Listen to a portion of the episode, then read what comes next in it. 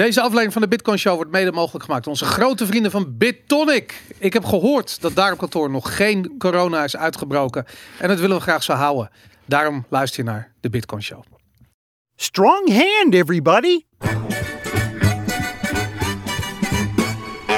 It's the Bitcoin Show with our very special hosts, Aaron, Boris, and Jan Willem. Yay! Daar zitten we, de Corona Show, de grote Corona Show vandaag. We weten het pas over twee weken, hè, of het bij Bitonic is uitgebroken. Ja, Dat is het probleem. Ja, het is zo moeilijk. Corona stelt ons voor zoveel problemen. Het is ongelooflijk. En ehm, laten we beginnen met de huishoudelijke mededeling voordat ik los ga over, eh, over corona. Ehm eventjes terug eh, kijkend naar 19 februari. Dat was een eh, fantastische Bitcoin meetup die we hier deden in Blast Galaxy in Amsterdam. Eh, meer dan 100 van de meest gezellige en meest intelligente bitcoiners van Nederland waren erop afgekomen. Eh, ik heb, ehm, eh, ik denk een biertje of drie te veel gedronken, maar ik vond het echt super gezellig. Het was hartstikke leuk. Was de beste meetup tot nu toe, is de beste meetup tot nu toe. Absoluut. Was zeker de beste meetup tot nu toe. Nou, de, de meetup die nog beter gaat zijn, eh, zal plaatsvinden op 22 april in Blast Galaxy tussen 6 en 10. Vanaf nu elke week gaan we daar weer voor oproepen. Eh, mits de corona-uitbraak niet zo'n eh, zulke vormen aanneemt dat dat ook gecanceld wordt. Ehm, Gaan we dan een virtual party doen? ja, zo, ja, een online feest of zo? Dat we allemaal met een koptelefoon op zitten? Er was een Bitcoin-conferentie, die was in eh, virtual reality. En dan liep dus, eh, kon je dus Oh, allemaal ja. rondlopen in een virtuele omgeving. ja. Vond het heel vet. Dus dat, eh, ik, Zaterdag weer, volgens mij. is dat weer, ja? Oh, tof. ik, denk- ja, sowieso zaterdag weer één, dacht ik. Ik heb geen, eh, ik heb geen VR-bril, bril, maar die, dat moet ik Nee, zou dat, maar is dat per se nodig, denk je? Ja, denk het wel. Kan je niet gewoon met je beeldschermpje? Nee, nee, nee. Je moet, ja, misschien wel eigenlijk. Wat wat een, wat een deceptie Ik zou kan me niet voorstellen dat iedereen van de aanwezigen zo'n VR-bril heeft. Ik maar moet- misschien ook wel. Ik wil wel helemaal opgezogen worden door die Heb conferentie. jij dat niet trouwens? Ik heb De, de Game King van Nederland? Nee, jij ik hebt heb geen. VR-bril? Nee, ik ben heel sceptisch op VR. Het is echt eh, de VR-brillen, daar word ik kotsmisselijk van. Echt, eh, ik kan er niet tegen. Ik word er ook heel misselijk Ja, er is, er is 3% van de mensheid kan niet tegen VR. Ja. Ik ben het ook. En het schijnt dat die ook gevoeliger zijn voor corona trouwens. Dat, eh, maar goed, anyway, ik zal proberen niet al te veel over corona door te gaan. Eh, we gaan het er zo nog wel even over hebben. Even kijken, die meetup. 22 april. 22 april, uh, meetup.com slash de streepje bitcoin streepje meetup. Eh, daar kan je eh, alvast RSVP'en als je daar behoefte aan hebt. En anders kom je gewoon langs. Eh, er is ook een andere meetup, BitDevs Amsterdam. Eh, woensdag 18 maart is die verzet, eh, Jan. Die was toch eerst op een ander, andere dag? Nee, 19 nee. of zo. Oh, ik dacht op een nou zaterdag. Ik dacht dat hij op een zaterdag was. Het, het, al- of ik heb het er verkeerd ingezet, of het is woensdag 18. Volgens mij is het woensdag 18 maart. Nou, ik kan op dat BitDevs eh, meetup link klikken en dan kan ik kijken wanneer die is. En dan, eh, dat gaan we nu live doen. Oh, dat gaan we nu live doen. Even kijken, waarom staat er geen datum bij? 99 members al die hier naartoe komen. Dat is niet eh, verkeerd. Ja, woensdag 18 maart om eh 6 uur s Ja, avonds. ja, ja, Er is ja. toch helemaal geen ruimte voor 99 mensen? Maar wacht even, 99 mensen Het zijn gewoon leden naar of zo. Bitonic toe komen? Nee, maar er zijn 99 leden. Oké, Maar er komen niet zoveel mensen. Nee, nee, nee, nee, nee. Oké, hoeveel eh, komen, kunnen er naar binnen? Ehm, nou, ja, de, de, de- een, hele hoop, eh, een hele hoop kan. We verwachten een mannetje of eh 25. Oké, We kunnen nog wel iets, eh, iets meer eventueel eh, doen. Maar het is de eerste keer ook even kijken wie of eh, ja, hoeveel mensen er precies op, eh, op afkomen. Ja. Oké, tof. Nou, ik, eh, ik kan niet wachten. Eh, onze website www.debitcoinshow.nl is geüpdate vanochtend door Jan. Ja, En eh, nu, nu is een eh, heel eh, gedeelte is gecentreerd weer, wat het eerst niet was. Het is echt de HTML En weet- skills. en weet je hoe dat kwam? Nee. omdat jij... eh, Omdat ik had ja, je had die klooien. BTC-servers toegevoegd. Ja. Maar je had section niet geclosed. Oh. Dus toen ging het helemaal mis met de HTML-tags. eh, Oh ja, Maar ik, goed, ik dus ben niet nu- zo van je CSS. eh, ik, duur- ik, ik ga gewoon daar center inzetten en zo. Dat Ik ben er niet zo held in, maar ik was vrij trots op. Want het duurde me ongeveer 1 minuut en 30 seconden om te ontdekken wat er nou niet klopt. Oh, vet. Nou, Dus, ik ben eh, blij dat, het, eh, dat de Maar het site... is goed, het is geregeld. Inderdaad, voor iedereen die eh, OCD heeft, is de bitcoinshow.nl website weer compatible.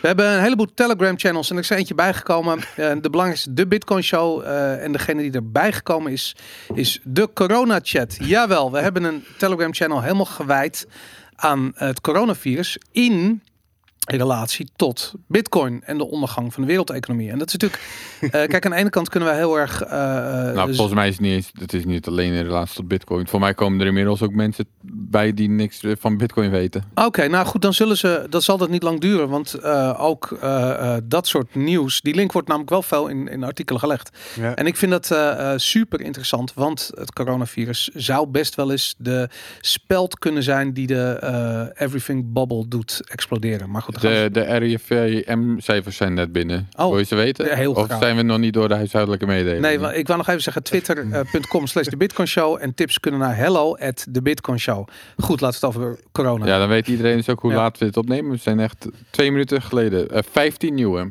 15 nieuwe Ja, gevallen. dus 38 officieel in Nederland nu. Oké. Oké, nou goed. Dus dat groeit nog steeds flink exponentieel. Ja, nou het interessante is dat eh, ik me heb laten vertellen dat mensen niet in staat zijn om eh, exponentieel te denken. We kunnen Ja. lineair denken. Dat is altijd leuk als je het hebt over de bitcoinprijs. Dat mensen dat niet kunnen begrijpen. Maar mensen kunnen zich ook niet begrijpen of voorstellen dat als we vandaag 15 nieuwe hebben, dat dat betekent dat we er morgen niet eh, de 30 nieuwe bij komen. Maar dat we 15 keer de R0 en wat is die? Volgens mij drie of vier of zoiets. Ik weet het niet eens. Eh, dus 15 tot de vierde macht eh, eh, bij gaan komen. Maar anyways, het RIVM, Zouden er wel heel erg veel gelijk zijn, toch? dat is wat exponentieel betekent. Ja, maar groeit het ook daadwerkelijk exponentieel? Ze- Het Gewoon groeit eh, in het hoog. begin misschien. Het Zeker. groeit, Begin, ja. het groeit Nou ja, kijk hoeveel er in Italië bij kwamen gisteren. 500 of zo. Ja, Ja. was het zoveel? Oké. En het probleem is namelijk wat En dat niet, is te de expo- officiële, hè? ja, en wat niet exponentieel groeit, is de hoeveelheid tests die ze kunnen uitvoeren. Right. Dus eh, wat we zien zijn de, eh, eh, eigenlijk de geteste eh, eh, patiënten. Dat Ja. zien we. Eh, en hoeveel er daadwerkelijk corona hebben, dat, dat zullen we niet weten. Ik heb begrepen dat er... eh, En het loopt sowieso twee weken achter. Of in ieder geval een week achter. We lopen constant achter de feiten aan. ja, tuurlijk. Hoeveel mensen we het nu hebben, dat weten we pas over een week. Nou, wat, wat ik interessant vind, waar ik het even over wilde hebben. Deze aflevering, ik heb hem ook betiteld De Nieuwe Kleren van de Keizer. Of The Emperor Has No Clothes. Hmm. Eh, ik vind de Engelse vertaling eigenlijk nog veel beter. en dat, ehm, eh, kijk, we weten, we hebben allemaal dat we wel eens onze vraagtekens stellen bij de efficiëntie van het politieke apparaat. Maar eh, wat ik zie gebeuren rondom om dat coronavirus vind ik echt ik bedoel, hoe erg het me ook irriteert. Ik vind het ook fascinerend. Dat van de week heeft eh, de Amsterdamse burgemeester Femke Halsema een eh, persconferentie gehouden. Er zat iemand van de GGD naast. En ehm, ik zat te kijken naar haar gezicht. En zij zat eigenlijk een verhaal te vertellen wat erop neerkomt. Geen paniek, geen paniek, geen paniek. Mhm. Nou, ik heb altijd zoiets van als, als dat soort mensen gaan zeggen geen paniek. dan, dat is een hele goede, eh goede aanleiding om volledig in paniek te raken. maar ehm, het is een beetje als een stewardess die, die, die, die is gestrest door, de, door het gangpad komt lopen en Mhm. dat iedereen rustig moet blijven. Weet je, dat werkt echt niet. Anyways, eh, ik zag haar gezicht en ik had echt zoiets van zij is verteld eh, dat ze dat moet zeggen, dat er Mhm. geen paniek moet zijn. En dat vind ik heel erg raar. Want hetzelfde zie je eigenlijk bij de RIVM. Eh RIVM heeft twee weken geleden, of drie weken geleden, ik heb twee artikeltjes heb ik er eh, bijgepakt. Gewoon heel simpel van de NOS.nl. ik, ik hoop dat ik het nog heb hier ergens. Ehm, ehm, ja, natuurlijk heb ik het niet hier nu ergens eh, paraat.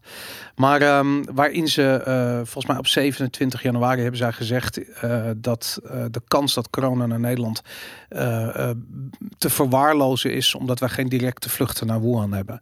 Ja. Nou, laat ik zo zeggen, dat, dat soort berichten, eh, eh, los van dat ze natuurlijk eh, het prachtige famous last words zijn, ja. is het ook raar om dat te zeggen. Ik bedoel, RIVM is belast met de verantwoordelijkheid van onze, van onze gezondheidszorg, van onze gezondheid, de Ja. veiligheid van Maar wacht even, het RIVM zei dat wanneer? eh, dat was even uit mijn hoofd op 27 geleden. januari, een paar weken geleden. Denk je dat ze dat toen zelf geloofden? Nee, natuurlijk Of- niet. nee, Niemand dat gelooft kan dat. toch niet? Nee, maar, en, maar tot op de dag van vandaag. Ah, Zij, het vreemde is dat iedereen in het begin zei van de cijfers uit China kloppen Maar niet. zeiden ze dat letterlijk zo? Letterlijk. Het staat in het AD, het staat op nos.nl. Je kunt het gewoon terugzoeken. Nou, als dan, je- dan zou het toch wel... Ja, ja, maar dat, dat, dan moet iemand zijn baan Is dat kosten, toch? één, één persoon die daar de- even een onhandige uitspraak heeft gedaan? Of is dat het, was dat het officiële standpunt? Je Dat- gaat me dat toch dwingen ik, om het artikel Ja, erbij te want pakken. Dat, eh, vind ik nogal een eh, verschil. Want het is een beetje vreemd natuurlijk. Want ik bedoel, je kunt de klok erop gelijk zetten dat, Oké, ja, ik heb hier overgedragen op worden. vrijdag 24 januari om Oké. tien voor half elf was het. Eh, coronavirus bereikt Europa. Lopen wij nu ook gevaar? Vraagteken op de nos.nl. Mhm.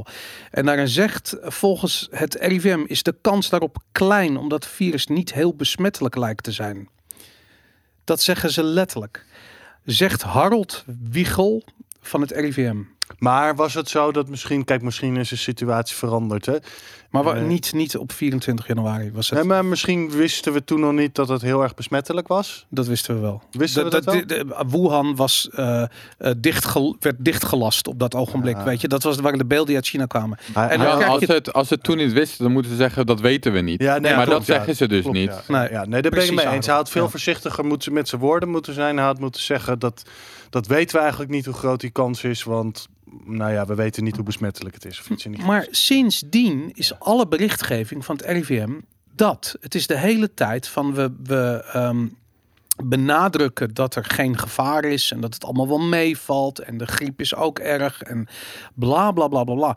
En eh, mijn probleem is dat dat zal allemaal wel. Het interesseert me niet zoveel. Maar wat ze vervolgens doen is totaal iets anders. We zien bijvoorbeeld eh, het Europees Parlement is zich aan het voorbereiden op hoe de Europarlementariërs het beste beschermd kunnen Nou, ze worden. zijn dicht. Ze, ze- ja, dat ook. Ze zijn in Brussel, hebben ze de, boel, de, de, de toko gesloten. Maar, sorry, ja. Ja. maar de, de school waar mijn kinderen gaan, wordt niet gesloten, Nope. bij wijze van spreken. Weet je? Dus met andere woorden, eh, ehm, ja, kijk naar wat ze doen en niet wat ze zeggen. En ik vind dat echt, ik vind het zo ontzettend eh, naar om dat te zien. Er zijn een aantal landen die zijn heel goed bezig. Dat zie je Singapore, bijvoorbeeld Zuid-Korea, vind ik ook heel open over de testresultaten die ze hebben. Hmm. Ik bedoel, het lijkt dramatisch wat er aan hand. Dat is het denk ik ook. Als je kijkt de hoeveelheid ehm, Mhm. eh, mensen die daar eh, besmet worden.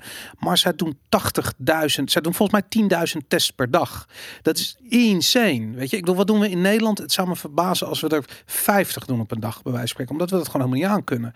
En dat eh, in Amerika is de situatie nog veel erger. Daar wordt het, Trump zegt letterlijk van, ja, misschien kunnen mensen zich kunnen griepprik gaan halen. Weet je, ik bedoel, het moet echt niet veel dommer worden. Ehm, maar hier zie je de totale onmacht van de politiek om hier iets, als er werkelijk een probleem is, dan is het gelijk ieder voor zich. Het is gewoon de zombie outbreak. Maar wel een probleem als dit. Ja, maar het, het is, dit is niet anders dan die, eh, eh, die, die beroemde eh, woordvoerder van Saddam Hussein. Die staat te zeggen van er is niks aan de hand. eh, iedereen gaat gewoon door. Eh, we zullen ze verdrinken in Maar moeten we- Ja, oké, maar een, als je wordt aangevallen door een ander land bijvoorbeeld, Mhm. ook mensen met geweren in hun hand, dan kan je als overheid, als staten daar nog wel tegen wapenen. Je weet hoe je daarmee om moet gaan. Maar dit is zoiets anders. Wat kan je hier vanuit overheidsniveau aan doen? Nou, niet liegen over, Nee, ja, dat eh, over, wel met je eens, over, ja. over wat er aan de dat hand ben is. ik ook wel met je eens. En mijn hele probleem is dat op het moment dat je de overheid niet meer kan vertrouwen, dan hebben we echt een groot probleem. Als ik bijvoorbeeld gewoon als vader, als ik zie eh, dat de school van mijn kinderen niet gesloten wordt, ehm, eh, en ik ga ervan uit, ik doe de aanname dat dat is omdat er geen gevaar is, fijn, weet je, maar dan wil ik wel de overheid kunnen vertrouwen. Als ik gewoon naar deze hele toegankelijke NOS-artikeltjes zit te te kijken. Of naar de cijfers die ze gisteravond tijdens een persconferentie bekendmaken. Die letterlijk van twee weken geleden zijn. Dan heb ik zoiets van, ik kan deze mensen helemaal niet vertrouwen met mijn gezondheid. Of met de keuzes die ze maken. En dat, ehm, eh, ik, en dan denk je misschien van, ja, ik zit... maar goed, dat, dat vertrouwen was er sowieso al niet. Eh, Dat, dat, vertrouwen was dat is bij waar- mij sowieso al niet. nee, Dus, dat, ja. dat, dat heb ik ook. Maar ik, daarom hebben we het er in een Bitcoin podcast over. Dat natuurlijk de hele... Hun optreden hoeft natuurlijk niet. Kijk, ik, ik, eh, ongetwijfeld dat, er, eh, dat ze steken laten vallen. Maar ze hoeven natuurlijk ook niet. En dat kunnen we volgens mij ook niet verwachten. dat zij in dit soort omstandigheden perfect alles goed doen. Maar ze moeten open zijn. Ze hoeven, niemand hoeft alles te weten. Maar ga niet claimen dat het wel meevalt. En dat is het enige wat ik zie. Ik ze, moeten, ze moeten zorgvuldiger zijn in hun uitspraken, denk ik. Maar, maar ik, ik hoef ook geen. eh, eh, ik hoef ook niet een soort politiek verhaal dat ze eromheen draaien. Ze mogen best wel zeggen: we weten niet wat we hier aan moeten doen. We Nee, weten dat, niet. dat zou ik ook prettig Dat zou Als ze het niet weten, prettig zeg het dan gewoon. In plaats van maar zelfverzekerd overkomen en dan... En, maar dat is wel een ja. probleem, want wat ze ook doen, zelfverzekerd, het is, het is sowieso niet goed, zeg maar. ja, maar Want daarin. als ze, als ze te hard handelen, dan zegt iedereen dat ze paniek aan het zaaien zijn. ja. En als ze niet hard genoeg handelen, dan zegt iedereen dat ze Dat laks is ook zijn. zo. Dus dat is wel lastig. Maar ja, ik, ja. Dan heb je binnen de kortste keren mensen die eh, messen gaan trekken over toiletpapier. ja, Zoals in Amerika is gebeurd. Ik weet niet of je dat gezien hebt. heb ik nog niet gezien. Maar Nee, dat, eh, was het in Amerika? Of, nou, nou kan ik me, of het was een ander land. weet je zeker dat het niet Het de was pasta Amerika. Nee, het was toiletpapier. Echt toiletpapier? Ja, er zijn twee op de, de- Ja, er zijn wapens getrokken over toiletpapier. Oké. Nou ja, goed. Er zijn misschien... Nou, trek Of het verder reden. sowieso wel even. snel wapen. Hey, ik haal inderdaad twee dingen door elkaar. Volgens mij was het in Venezuela. Dat is om andere redenen. Laat maar zitten. Oh, oké. ja, nee, Maar daar goed, daar snap ik ik- het volledig. Maar- maar dat is een store value. Maar mijn, daar. eh, maar mijn argument is dan, Nee, ja, weet je, dan je wil ook geen paniek zaaien. Je wil ook geen paniek zaaien. ja, daarom. Dat is, eh, maar ja, goed. Oké, goed. Ehm, even kijken, even praktisch gezien. Er zijn natuurlijk ehm, eh, eh, een aantal veranderingen opkomst. Eh, vanochtend het gerucht dat Bitcoin 2020 het evenement niet doorgaat. Aaron, en jij sprong er bovenop als medewerker van de organisator van Bitcoin 2020. Wat een van de grootste Bitcoin-conferenties ter wereld is in Ja. San Francisco. Wanneer is het precies? Maart? April? E- Eind maart, Eind maart. eind deze maand. En wat is de status? Ik heb niet gehoord dat het niet doorgaat. En als je In, intern lijken ze allemaal nog eh ervan uit te gaan dat het doorgaat. Geen paniek. Nothing Nee. to see here. Ja, nee, maar Ja. laten we De eerlijk. Blockchain Week is wel geannuleerd in, In Parijs. Parijs. Ja. Ja, en de GDC, wat een grote eh, Game Developers Conference is, ook in San Francisco, is wel eh, geannuleerd. Die zou volgens mij volgende week zijn. Ja, Google en Facebook hadden ook dingen, evenementen rond dezelfde tijd geannuleerd. Ik, ik heb het idee dat de Amerikanen snel zijn met het annuleren van eh, dit soort dingen. eh, in te spelen op paniek. Ook omdat ze anders verantwoordelijk kunnen worden gehouden voor, het, eh, voor de gevolgen als ze dat niet doen. Aan de andere kant, ik weet als eh evenementenorganisator wat voor kosten je voor komt te staan als je zo'n evenement twee, drie weken voor eh, Ja. datum afzegt. Dat is natuurlijk krankzinnig.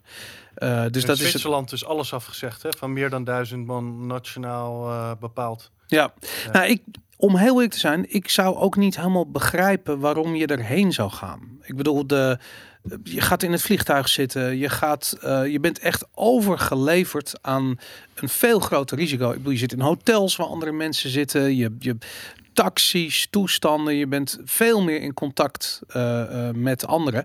En wat als je in San Francisco zit en de pleuris breekt uit, je moet naar het ziekenhuis en je krijgt daar een gigantische ziekenhuisrekening. Dat, dat vind ik een nog betere overweging. Kijk, want volgens mij is het haast onvermijdelijk.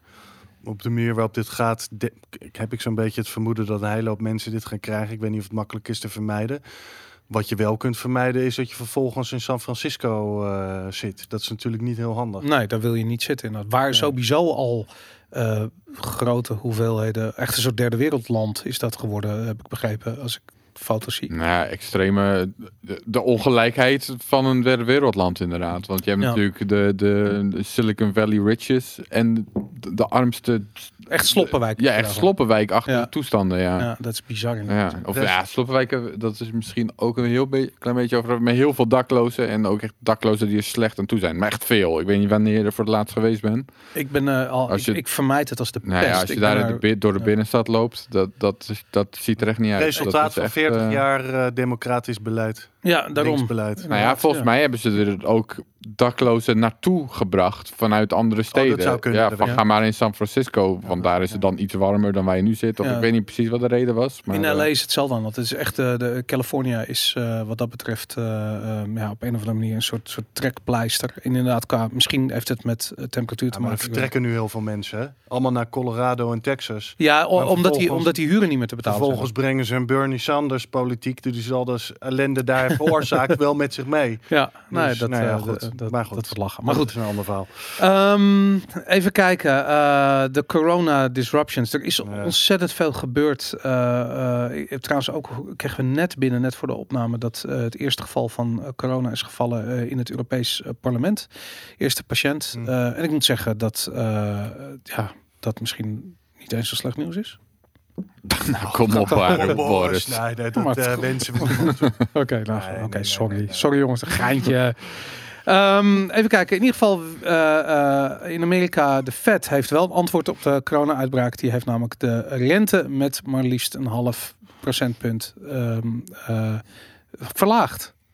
Nou, dan is het einde in zicht eh, van corona, toch? Toch? Ja, toch? Dat, hebben ze, wat, wat denk jij, Jan? Is dat, eh, is dat de cure waar we op zaten te wachten? Mm, Nou, ja, nee, ik denk het niet. Kijk, het was, eh, vorige week was natuurlijk de slechtste week eh, sinds 2008 voor alle major indices. Dus voor Ja. de S&P 500, voor eh, Dow Jones, voor Nasdaq, noem maar op. Ja. meer, allemaal meer dan 10% gedaald. Ja. Ik geloof zelfs dat het snelste correctie is die misschien wel ooit heeft plaatsgevonden. Ja, Ehm maar die... dus, maar goed, er werd vrijdag al voorzichtig gesproken, de Fed gaat wat doen. Toen zag je weer aan het einde van de dag de Dow Jones, et cetera, weer wat opkrabbelen op dat Mhm. nieuws. Maandag kwamen ze natuurlijk weer hè, eh, eh, uit, de uit de ja, zeg maar, eh, knalden ze weer omhoog met eh 4, 5 procent. Mhm. Nou, uiteindelijk dinsdag is dan in een emergency decision, want het was niet bij een reguliere commissie. eh, hè, normaal spreken ze geloof ik eens in de zes weken af. Ik weet, of eens in de twee maanden, weet ik even niet. Maar eens in de zes weken, dacht ik. Ja. Hebben ze een Federal Open Market Committee eh, meeting. Mhm. En, eh, maar goed, ze hebben nu dus de rente verlaagd in een soort van emergency daad. Maar goed, de markt had daarop al geanticipeerd dat het zou gebeuren. Dus Mhm. toen daadwerkelijk hè, de, de verlaging kwam, gebeurde er niet eh, heel veel eh, meer. En sterker nog, eh, gistermiddag is de Dow Jones geloof ik weer 3% lager gedaald. Dus ja, dat voorspelde niet veel, veel goed. Nou, we hebben net weer allemaal zitten kijken naar hoe het gaat op de aandelenbeurzen. En volgens mij gaat nu de AEX staat weer wat in de plus. Dus, maar goed. Dat wil je vergeten. Maar het is, Maar ja goed. Bitcoin bewoog dus niet als safe haven niet. in ieder geval in die tijd. Nou, het interessante week, is, Die, die zakt ook lekker. Messari En nu stijgt Crypto... hij weer mee. Ja, Messari Crypto die eh tweette dat het juist interessant is dat op dat nieuws van die rate cut van de Fed eh, Bitcoin eh, mee omhoog ging met de aandelenkoersen. En dat is nieuw. Over nou, dat is niet helemaal nieuw hoor. Nee, dat heb dat- ik wel al een paar keer eerder gezien. Oké. Maar het is wel interessant. Het- Je, het, je kan nog eens zeggen dat het interessant is. Maar Nee, het, zou- het zou wat, eventueel wat kunnen zeggen over het soort eh, ehm, Maar was het geld. statistisch wat- significant? ja, het was statistisch significant. Oké. Ja, maar dan vraag je misschien hoeveel het was. Ik weet het niet. Ik ben niet zo met de prijs bezig. Maar ik vind de, de, de beweging eh, eh, wel, wel interessant. En ja, misschien zegt het iets over het soort geld wat eh, nu de prijs naar boven naar beneden drijft. Dat het wat speculatiever is. Of misschien Bitcoin wel wat Maar- meer ziet als een macro. Een van de, want we- hè, er is nu weer een hele hoop mensen die zeggen Bitcoin is geen safe haven, want het daalt tijden van coronacrisis. Maar Mhm.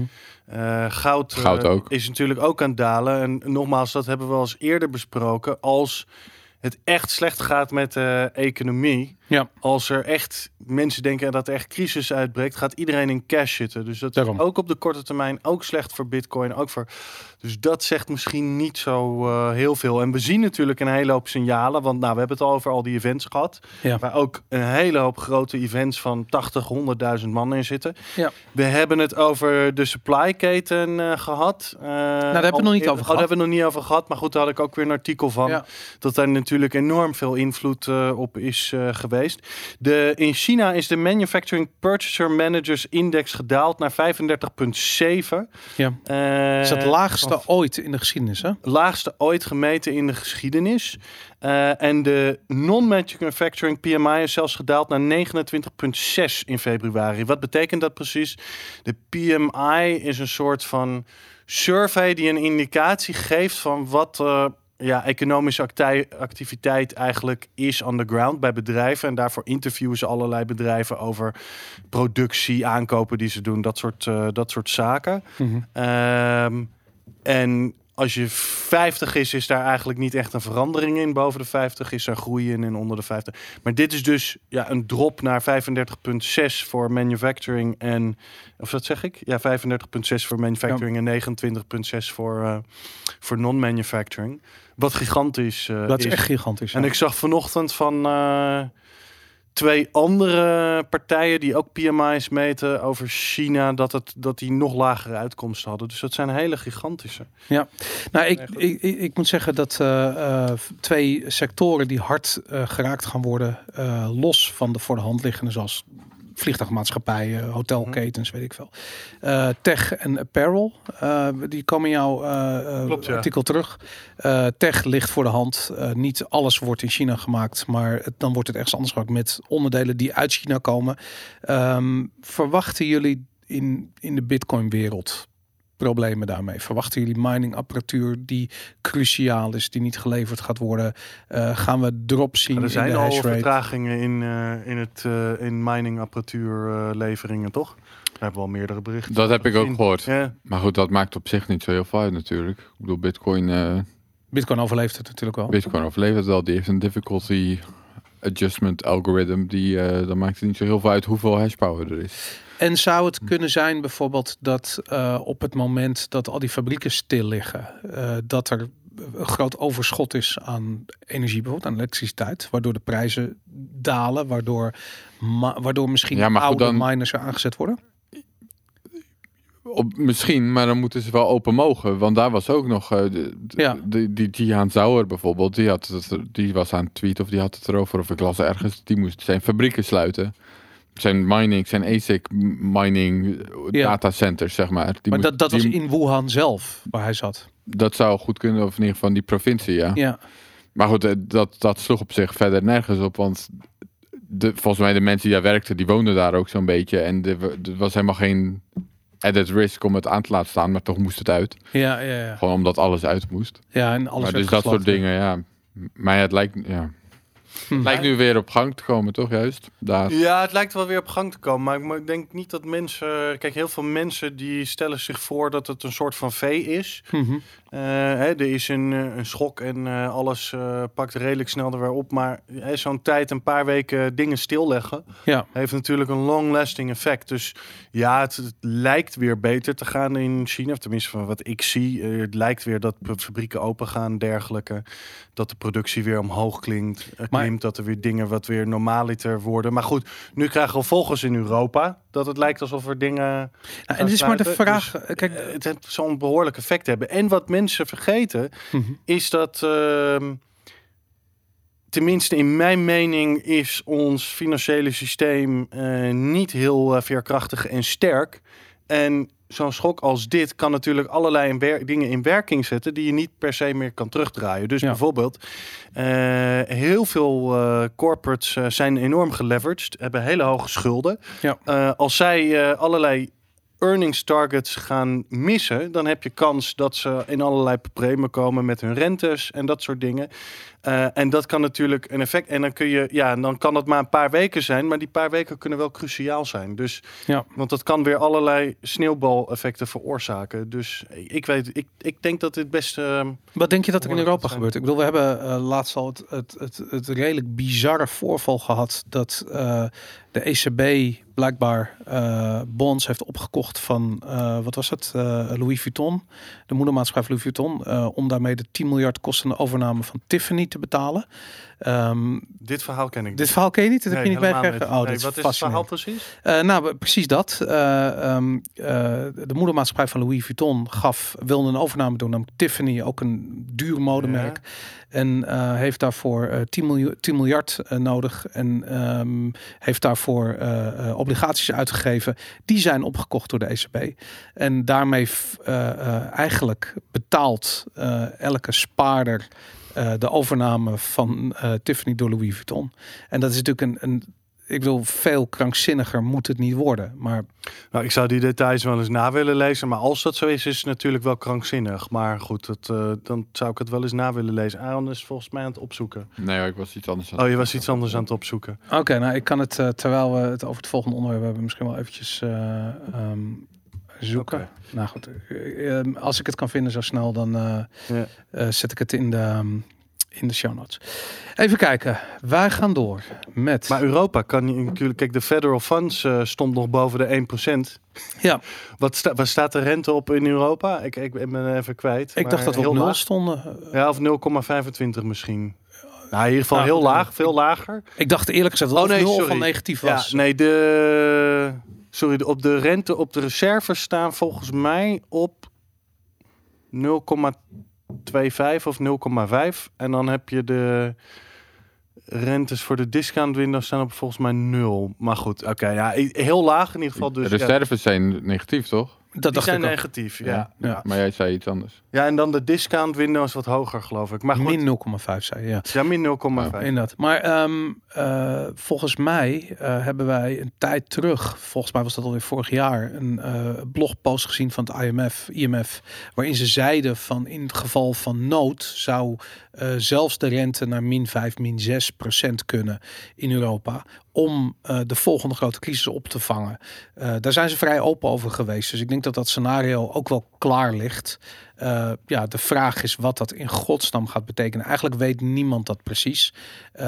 wat de effecten daar nou echt van zijn. Kijk, vroeger of later gaat dat geld een keer echt in de economie terechtkomen. Misschien klapt er een keer een bubbel. We weten het allemaal niet.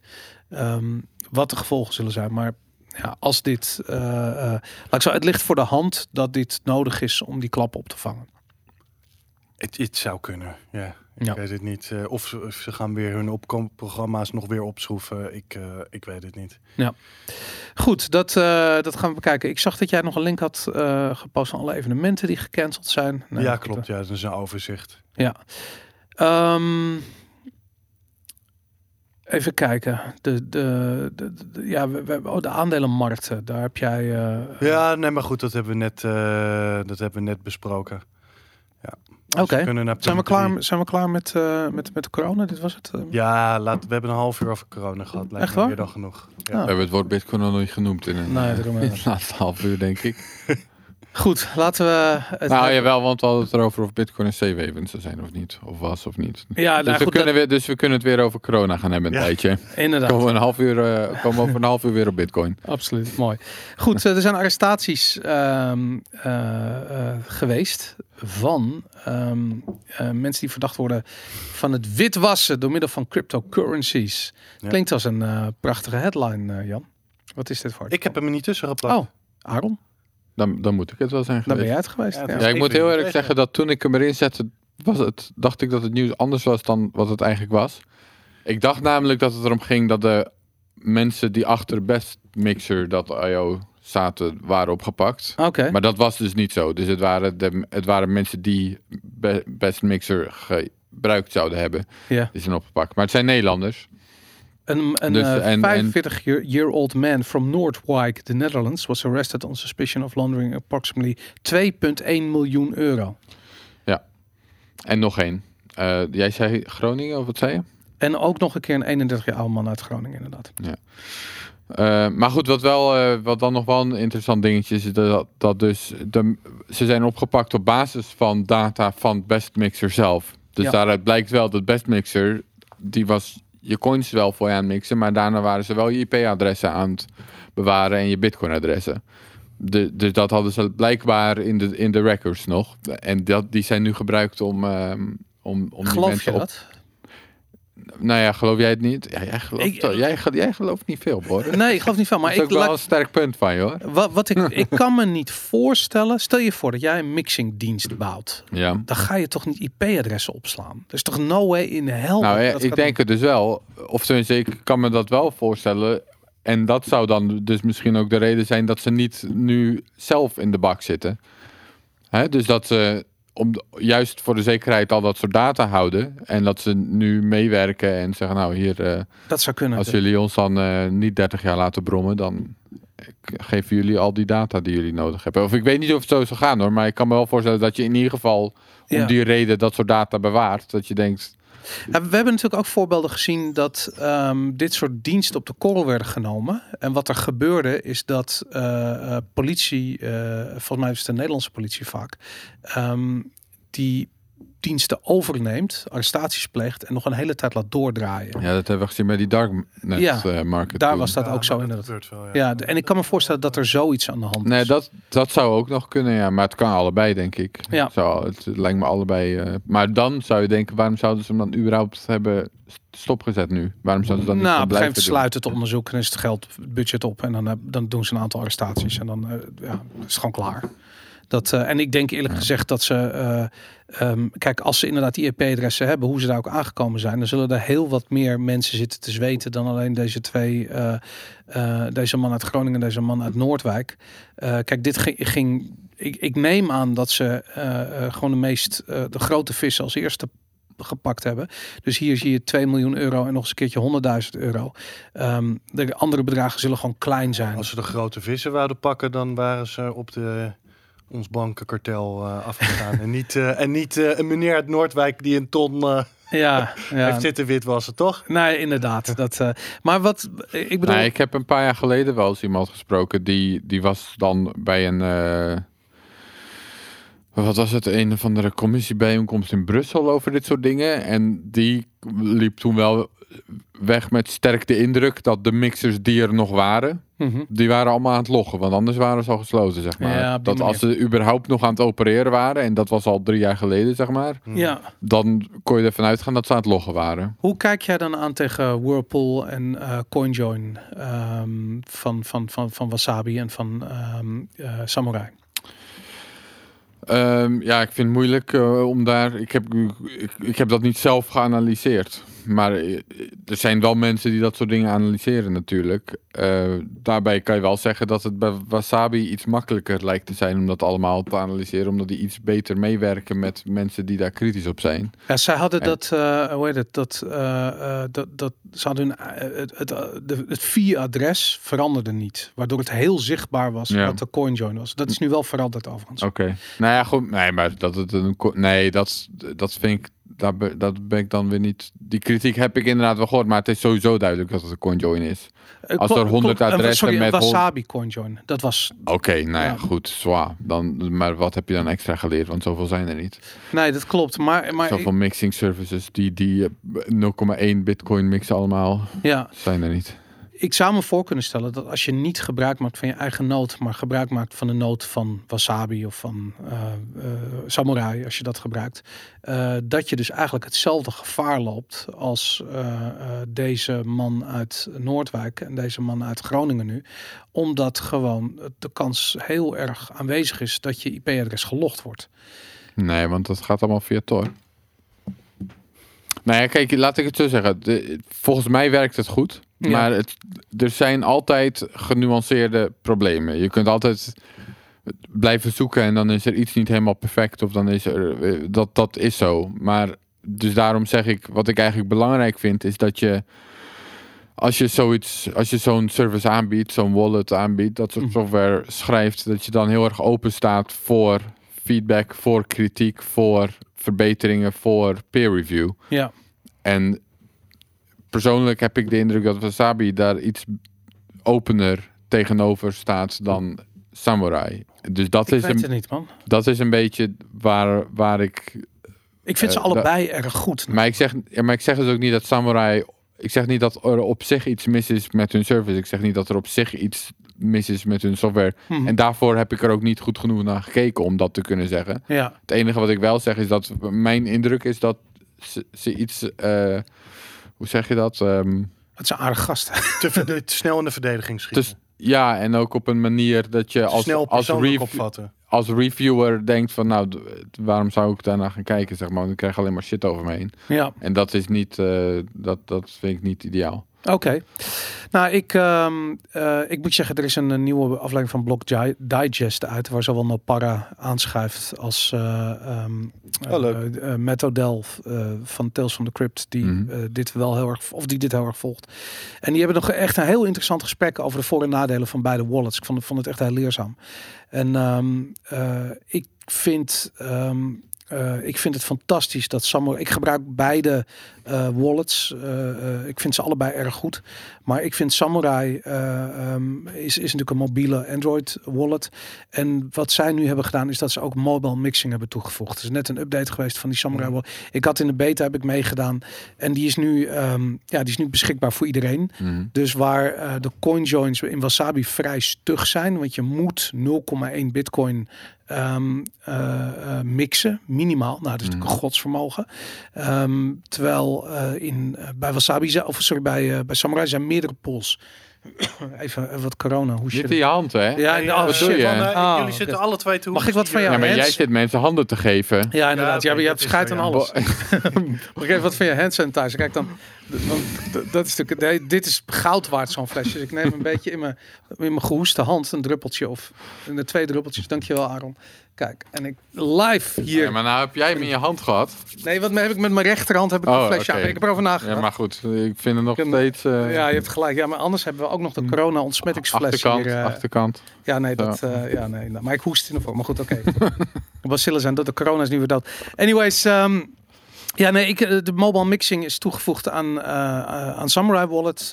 en daarmee heb ik echt zoiets van, ja, de, ik ben heel erg aan het genieten van hoe die twee eh, groepen developers tegen elkaar aan het opboksen Ja, dat is toch juist goed. Dat is heel erg Prima. goed. Dat is echt heel Gewoon goed. goed. En eh, beide services zijn eh, super makkelijk. En we hebben het al een keertje eerder gehad over wat Samurai namelijk doet. Is dat ze je coins tot in de eeuwigheid mixen. Mm. Als je ze erin laat staan. Als je ze in die pool laat staan. Eh, en hoe werkt dat? Je betaalt een vast bedrag om meegenomen te worden in de pool. En eh, m, personen die daarna bij de pool komen betalen eigenlijk steeds weer de, de fee eh, die daarna betaald wordt. Maar jij, jij gaat altijd, je betaalt eenmalig, je gaat altijd mee. En eh, zeker als je wat, ehm, eh, wat meer eh, bitcoin in zo'n pool zet, is het al snel goedkoper dan wasabi. Dus dat, ehm, dat is natuurlijk een ander ding. Beide, eh, ik bedoel, coin joinen is best wel duur. Om heel eerlijk te zijn. En ik bedoel, dat, dat is natuurlijk heel, eh, heel subjectief. Want voor de een, wa- wat is duur als het je in Venezuela Waarom zeg je dat het duur is? Ehm, ja, ik vind het gewoon duur. Waarom? Omdat het, je veel geld betaalt voor een coin join. Het, het- dat, hoezo? Dat is gewoon een transactiefee. Nee, nee, nee. Jawel. Nee, je betaalt ook voor de, voor de, voor de, voor oh, voor de service. voor de service. Ja, ja, ja, oké, maar dat hangt, ja, dat hangt dus af van de service provider, van wie je gebruikt. Dat klopt. Je zei het op een manier alsof Oh, CoinJoin zelf duur is. Je hebt gelijk. Stel dat je join market zou gebruiken waar, dat, waar niet dat soort fees Right. zitten, dan daar heb je gelijk. Dus het is alleen een transactie. Je hebt gelijk. Nee, ik heb het over Samurai en eh, Wasabi die dat als diensten aanbieden en daar dus eh, geld voor vragen. En dat, eh, ja, god, ik vind het niet te duur, want wat ik al zei, als het je uit de bak houdt in Venezuela, dan is het, weet je, is allemaal 50 relatief. euro dan duur? Nee, ik denk het niet. Maar, maar goed, dat, eh, het is allemaal relatief inderdaad. Goed, dus die mensen van Best Mixer zijn. Ik heb eh, Louis Vuitton even opgezocht net. Oh, en? Ja, terwijl... eh, nou, ik, eh, ik heb het even bijgepakt. Eh, je hebt gelijk, eh, Boris. Ja, de ECB heeft meebetaald aan de Eh, overname. Bloomberg Opinion, 7 februari 2020. France's richest man gets a free lunch from the ECB. Dat is echt belachelijk. Dit is Dus- wel echt zo belachelijk. Dus Bernard Arnault die eh, wou een overname doen van eh, inderdaad, eh, dus dat is de eigenaar van. Eh, ja. eh, De LVM Louis Vuitton, groep, Ja, ja. en die wouden een overname doen van Tiffany Company. Die hebben daarvoor 7,5 miljard euro opgehaald. En 155 miljard ponden via obligaties. Nou, nou was die rente natuurlijk al enorm laag, omdat de ECB hun opkoopprogramma eh, weer is gestart. Dus die rente was natuurlijk al laag. Ehm, maar het lijkt er ook heel sterk op in dit artikel dat. ehm, Ik vind de het leuk bank- je leest en praat tegelijkertijd. ja, sorry. Nee, maar ik, ik probeer, ik, weet je, ik wil niet iets zeggen wat niet klopt. Dus ik, Hm. ja, dat, ik, ben, al- ik ben al traag. Maar zeker als ik dan ook nog iets moet voorlezen.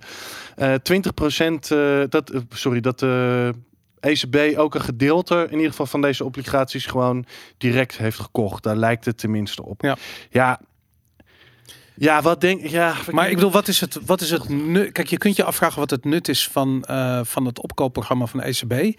Ehm, Ik ben helemaal klaar met de ECB. Ik heb er echt genoeg van. nou, eh, Dit was de druppel, hè? En ik ben Ja. echt, eh, ik ben normaal redelijk genuanceerd, maar ik heb hier gewoon echt genoeg van. Nee, maar dit is Maar ik voorbij Ik belachelijk. Dit Ja, kan ik- echt Ik niet. ben er Ja. echt klaar mee. nou, maar ik bedoel, ik, ik snap als je cruciale ehm, eh, onderdelen van je economie overeind wil houden, voedselproductie, medicijnproductie, weet ik veel. Maar we hebben het hier over Tiffany, wat gewoon een, een dat is gewoon een, een, een, een, Ja. een sieradenmerk, weet je? Dat is gewoon luxury lifestyle. ik bedoel, what the fuck heeft de ECB daarmee te maken? Het is ongelooflijk, echt ongelooflijk. Maar goed, dat zijn dat, dat soort. Ik bedoel, het zegt ook wat over de tijd waarin we leven. Weet je, het, het is, het is zo. Ik heb het het drijft, het enige wat dit doet, sorry dat ik je onderbreek, Ja. maar het enige wat dit droeft, ja, ik, ik ben, ik ben boos, dus ga ik mensen onderbreken. Nee, maar het enige wat dit doet is aandelenbeurzen omhoog drijven, eh, huizenprijzen omhoog jagen, eh, leraren, eh, leraren kunnen, geen, kunnen geen huis meer, meer kopen, want de huizen worden, prijzen worden in dit land helemaal op stang gejaagd. Als je politieagent bent, kun je geen huis meer kopen. Ja.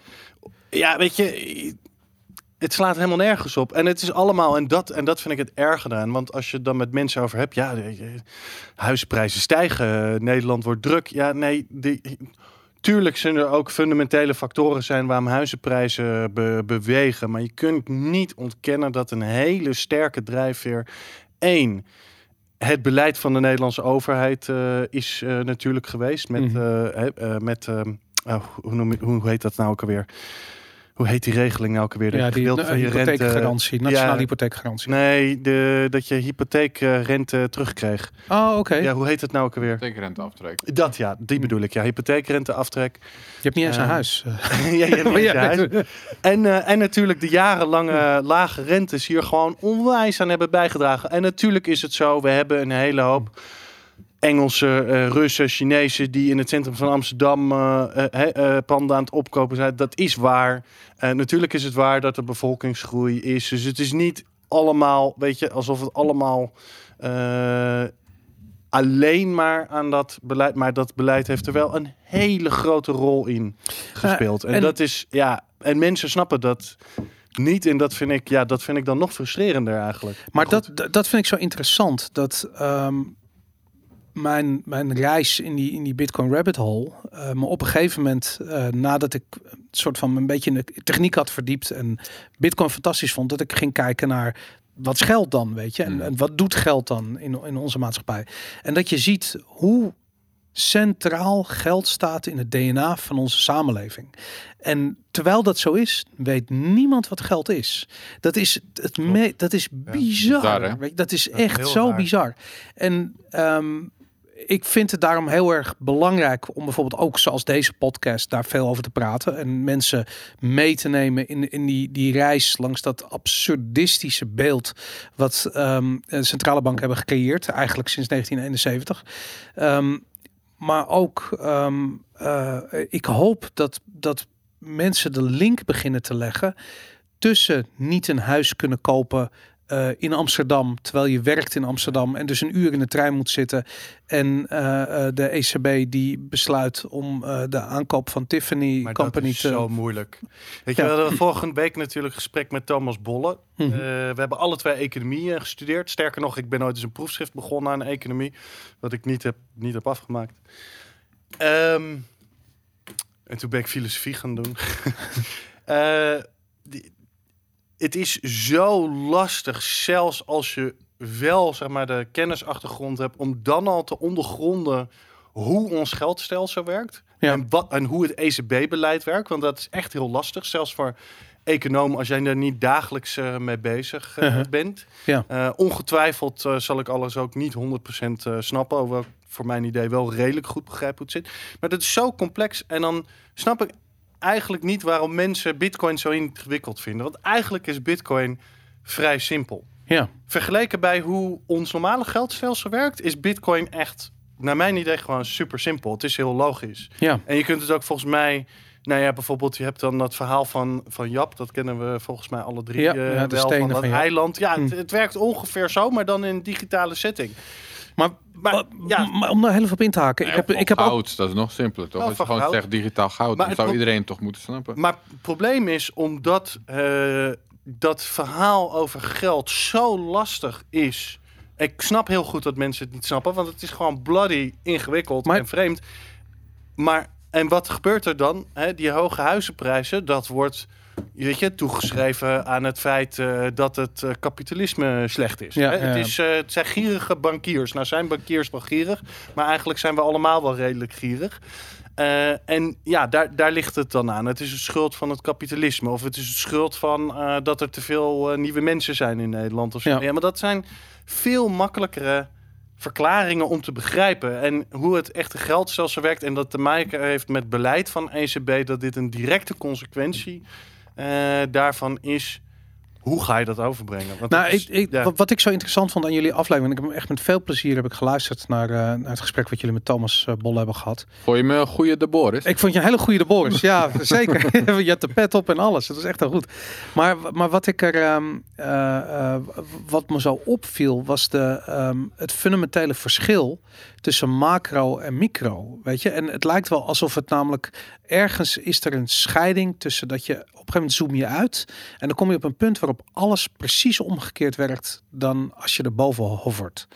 En dat. Nou, maar dat de Austrians, die, die zijn het daar volgens mij dus niet mee eens. Die, die beginnen gewoon vanuit het individu. Gewoon alles ik, ja. micro. En als je uitzoomt, dan alles is te verklaren Volgens vanuit dezelfde bedoelt- Ik bedoel het- micro-logica. Jij bedoelt iets anders. Nou, ik bedoel, kijk, Thomas was heel erg aan het kijken van hoe de situatie nu is en hoe kun je het verbeteren.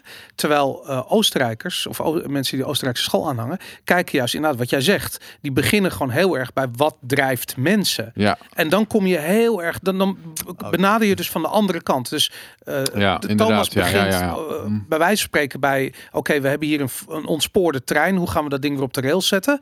En eh, eh, de, de, eh, jullie zitten als het ware kijken van wat doet die, wat doet dat, wat doen die rails daar eigenlijk? Weet je, wat is het doel van die trein die hier rijdt? En dat en ergens zit gewoon een, een, een scheidingslijn tussen die twee werelden. En die is ontzettend moeilijk over te stappen. Hij is het is ontzettend moeilijk om bij de ene kant te beginnen en bij de andere kant uit te komen. Omdat je dan ergens een soort van volledige perceptieshift moet hebben van wat er aan de hand is in de wereld. En dat, eh, ik merkte ook, ik had ook het idee van ja, daar, daar bots, dat was ook het moment, het gebeurt niet veel met tijdens waar even de botsing plaatsvond. En dat vond ik heel tof, omdat je daar dus, je, je, je, ver- je verzeilt daarin, weet je. En als ik bij wijze van spreken naar eh, eh, ehm, eh, economen hoor, of Lex Hoogst, Hoogtuin is een goede, die kan, die kan het bijvoorbeeld heel goed, die, die, kan Zeker. die kan je echt, die kan verzuipen in die Keynesiaanse dingen, terwijl, die, terwijl ik weet dat hij ook juist die, die Oostenrijkse kant ook wel snapt. Eh, maar toch, als het om de dagelijkse gang van zaken gaat, dan leven we in een Keynesiaanse wereld en moet dat blijkbaar Ja, volgens maar hij is wel... Ja, nou ja, goed. Ik wil hem niet eh, bepaalde overtuigingen in de schoenen schrijven, want dat heb ik hem nooit gevraagd. Maar hij is in ieder geval aan de hand van zijn commentaar volgens mij redelijk een beetje- libertarisch ingesteld. Oh ja, inderdaad. dat is, maar goed, het is Maar allemaal goed, heel eh, subtiel allemaal. hij Maar. zichzelf eh, om zou eh, Ja. schrijven, maar maar in ieder geval dat dus. Dus ik, ik vind dat zo'n belangrijk, eh, eh, belangrijk onderwerp. En inderdaad, hoe geld werkt. En sterker nog, hij was geopperd dat hij denkt eh, dat. eh, ja, maar hij oppert. Hij, hij is natuurlijk. wacht maar tot hij met pensioen is. Dan maar- schrijft hij een boek over Oostenrijkse Maar, economie. ja, maar hij heeft, hij heeft ook wel eens geopperd dat eh, centrale bankiers er volgens mij open voor moeten staan. Dat het beter zou zijn als ze er zelf niet waren. Ja, ja inderdaad. Ja, maar op een vrij voorzichtige manier. Maar dan kun je wel zien. eh, volgens mij zeg ik dat goed. Maar... Ja, nou goed. Ehm, laten we het We hebben hadden, over... we hadden het over mixing zeker. Was dat het laatste onderwerp? En daar Eh, zijn we nee, nu daar klaar we mee, of volgens niet? mij. Daar waren we al voorbij. Ja, nee, we hebben... Waar waren we? eh, we, we zijn gebleven bij... helemaal ehm, niet eh, er staan zo Laten we het weer over corona hebben. Weer over. we hadden het over, een, eh, over die mensen die gearresteerd zijn eh, die Oh, ja. We gaan het nu hebben over Bitcoin in India. Bitcoin in India. India is een beetje het China van wat, wat, wat Oh. twee jaar geleden China was, toch? Ik bedoel, dan wordt het weer verboden en dan mag het allemaal weer. Wat, eh, wat is er aan de hand in, eh, in India? Het is niet zo eh, wispelturig. Het is iets minder. Ze hadden twee jaar geleden in, moet ik even de datum, 6 april 2018 heeft de centrale bank van India gezegd dat financiële organisaties die onder hun toezicht stonden, Mhm. binnen drie maanden alle banden met ja, cryptocurrency bedrijven moesten opzeggen. Dus geen bankrekeningen meer aan mochten aanbieden. Ook zelf niet dingen er meer mee mo- mochten doen. Mhm. Daar zijn toen een hele hoop cryptocurrency bedrijven een rechtszaak over eh, begonnen. Mhm. Ehm, nou, er waren in het begin een hele hoop. eh, inmiddels zijn er een hele hoop afgevallen. Want ja, zoiets duurt heel lang. En een hele hoop bedrijven zijn gewoon gestopt. Maar uiteindelijk is het dus bij de, de Hoge Raad in eh, India terechtgekomen. En die heeft beslist dat eh, wat de centrale bank heeft gezegd in strijd was met de grondwet. Dat zij helemaal niet dat mogen doen. Ja, Dat is niet hun bevoegdheid om dat te, te bepalen.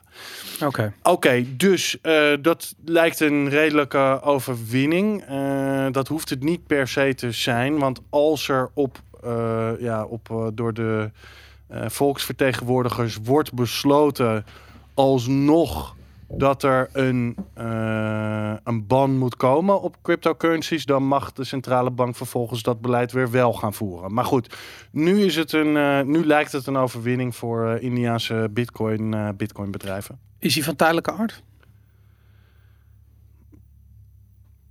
Ja, Hoe belangrijk is India voor Bitcoin? oh, ik denk dat eh, Bitcoin een hele hoop zou kunnen betekenen in India. Toch? 1,2 miljard Indiaërs. Ja, en een, een ander eh, half miljard of zo die niet geregistreerd staat. Daarom, ja. Ja, ik denk, eh, denk dat daar, een, eh, denk dat daar natuurlijk wel, eh, wel kansen liggen. Maar goed, in Ze ieder geval zijn, ze zijn wel allemaal voor me. straatarm, hè? Die, eh nou, verdienen allemaal. Maar, Maar, maar daarom juist zo'n mooie case voor Bitcoin. Want ik, ik, heb- ik heb heel erg met, met heel veel fascinatie dat verhaal eh, gevolgd van Modi, die van de een op de andere dag die duizend roepie biljetten Mhm. in de band deed. Oh ja. Ehm, en wat voornamelijk interessant was, er zijn een paar prachtige podcasts over gemaakt. eh, hoe eh, rijke, eh, connected Indiaars eh, al dagen van tevoren op de hoogte waren en in staat waren om al hun cashgeld om te wisselen. Daar was de gewone eh, eh, ja, man in de Sloppenwijk die zijn life savings onder zijn matras had zitten. En dat was dan, weet ik wel, 25, 30 euro. En dat was dan in 1000 roepie biljetten. Die kon dat niet meer omwisselen of moest dagen in de rij staan. Nou, mensen zijn gewoon gestorven. En het interessante is dat uh, dat hele, die hele actie heeft plaatsgevonden onder het mom van uh, anticorruptie. Dat was eigenlijk een beetje het ding. En het zogenaamd het, het zwarte geld, uh, en met name het duizend roepiebiljet, werd gebruikt voor corruptie. Dus wat ze eigenlijk willen is, ze willen dat hele land willen ze aan de die digitale platformen krijgen. Ik bedoel, ja. het ging nog niet eens echt over cryptocurrency of digital currency, maar het ging gewoon over van die, van die hoe heet dat wat je in, in China is dat ook zo large, die Oh jezus, hoe heet het nou? Dat um, Tencent heeft het Alipay heb je en WeChat. Mm -hmm. Die twee platformen. Je hebt ook zo'n zo'n heel groot digi digitaal payment uh, service in India. En dat zou dus corruptie moeten voorkomen, omdat het allemaal zo transparant uh, is. Nou ja, goed, het, het, gevolg was wel dat iedereen die dus niet een bankrekening heeft, niet toegang heeft tot die app, toch weer aangewezen is op cash. En dat dat dus niet meer veilig is. Een groot probleem. Dus die mensen zouden ontzettend geholpen zijn met Bitcoin. Dus daarom heb ik zoiets van, ja, ja, is ontzettend belangrijk voor, ja, voor... Ik denk het wel, ja. ja. Maar ja, ik weet niet of het van tijdelijke aard is. Ik hoop van niet. Nou, ik ben altijd gefascineerd door die situaties waarin je ziet dat Bitcoin gebruikt wordt om uit een moeilijke situatie te komen. Wat je in Venezuela ziet, we zien het nu ook in, uh, in Libanon gebeuren. Uh, misschien Iran, daar hoor niet te veel van. Maar ja, India is echt een land wat... Uh, het is zo extreem in al zijn vorm. Het is zo groot. De armoede, het, het verschil tussen arm en rijk is zo gigantisch. Ik denk dat er geen land... Het lijkt net San Francisco. Het is net San Francisco, maar dan in het groot. Met ja. anderhalf miljard mensen inderdaad. Maar goed, het is natuurlijk uh, de natuurlijke reactie van een centrale bank. Want die zien een bedreiging. Ja. Dus die... uh, ja, die... die, die hè, en in India schieten ze dan gelijk... uh, we gaan het verbieden. En in Nederland uh, proberen ze het dood te reguleren, bij wijze van spreken. Ja. Uh, dat is de, of tenminste, nou goed, dat is misschien iets te sterk. Lijkt het erop alsof ze het willen gaan doodreguleren. Ja. Um, dat zei je toch al? ja, wat zei ik nou? Ja. Dat ik, ik, dacht, ik dacht dat je gewoon, dat gewoon al zei. Ja. Nee, volgens mij, oké, okay, goed. Nee. Goed, maar dat okay. is een mooie brug die je daar bouwt. Na, ja, dat uh, was ook de bedoeling. ja, ja, normaal ben jij de bruggen. En nu heb jij ik weet niet of de mensen dat thuis kunnen zien, maar Boris weeft altijd alles aan elkaar. Maar vandaag had ik een keer een brug. Heel goed, en het is een mooie brug ja. naar AMLD 5, uh, wat in de Eerste Kamer uh, bespro besproken werd gisteren. Um, in de Eerste Kamer, ja. ja. Door de vaste commissie van Financiën. Kunnen jullie samenvatten wat er precies speelt in Nederland voor mensen die dat niet op hun netvlies hebben staan? Corona. ik zit ook alleen maar corona te Nou, de, de, uh, nou, moet ik kort, ja, ik ja, korte samenvatting. Ik, ik, ik, ja. We hebben het hier al een paar keer over gehad. Dus uh, nou ja, ik heb weer van alles opgeschreven. Maar ik, het is ook een beetje met een sisser afgelopen naar mijn idee. Maar goed, we hebben natuurlijk heel in het kort de AMLD 5 richtlijn in 2018 ja. door de Europese Unie uh, goed, uh, goedgekeurd. Een richtlijn, niet een verordening. Wat betekent dat je dat moet implementeren via wetten in de, in de landen zelf. Ja. Um, in tegenstelling tot een verordening, die, uh, ja, dat geldt gelijk als wet voor overal iedereen hetzelfde. In Nederland wil men dat via drie wetten doen. Ik, ik val al in slaap als ik ze moet opnoemen, maar ik zal ze toch even opnoemen. Implementatiewet wijziging via de anti-witwasrichtlijn. Implementatiewet registratie uiteindelijk belanghebbenden van vennootschappen en andere juridische entiteiten. En ten derde de wet verwijzingsportaal bankgegevens. Dat zijn de drie wetten die in Nederland vooral met name door ons ministerie van Financiën zijn voorgesteld gesteld om um, eh, de AML D5 te implementeren. Nou, nou loopt er al bijna twee jaar, geloof ik, inmiddels een discussie Ja. over die implementatie. Dus de Nederlandse bitcoin-industrie, laten we het maar zo noemen, ehm, heeft niet per se heel veel kritiek op AML D5, maar over hoe dat in Nederland wordt geïmplementeerd. Ja. Het belangrijkste daar eigenlijk bij, en daar kunnen we misschien op een ander moment wel weer eens dieper op verder gaan, maar het komt er eigenlijk op neer dat het, de huidige wetsvoorstellen eh, veel sterkere regulering lijken te willen implementeren in Nederland dan eigenlijk vereist is door AMLD 5. En Nou, dat wordt continu ontkend door de minister van Financiën, maar als je daadwerkelijk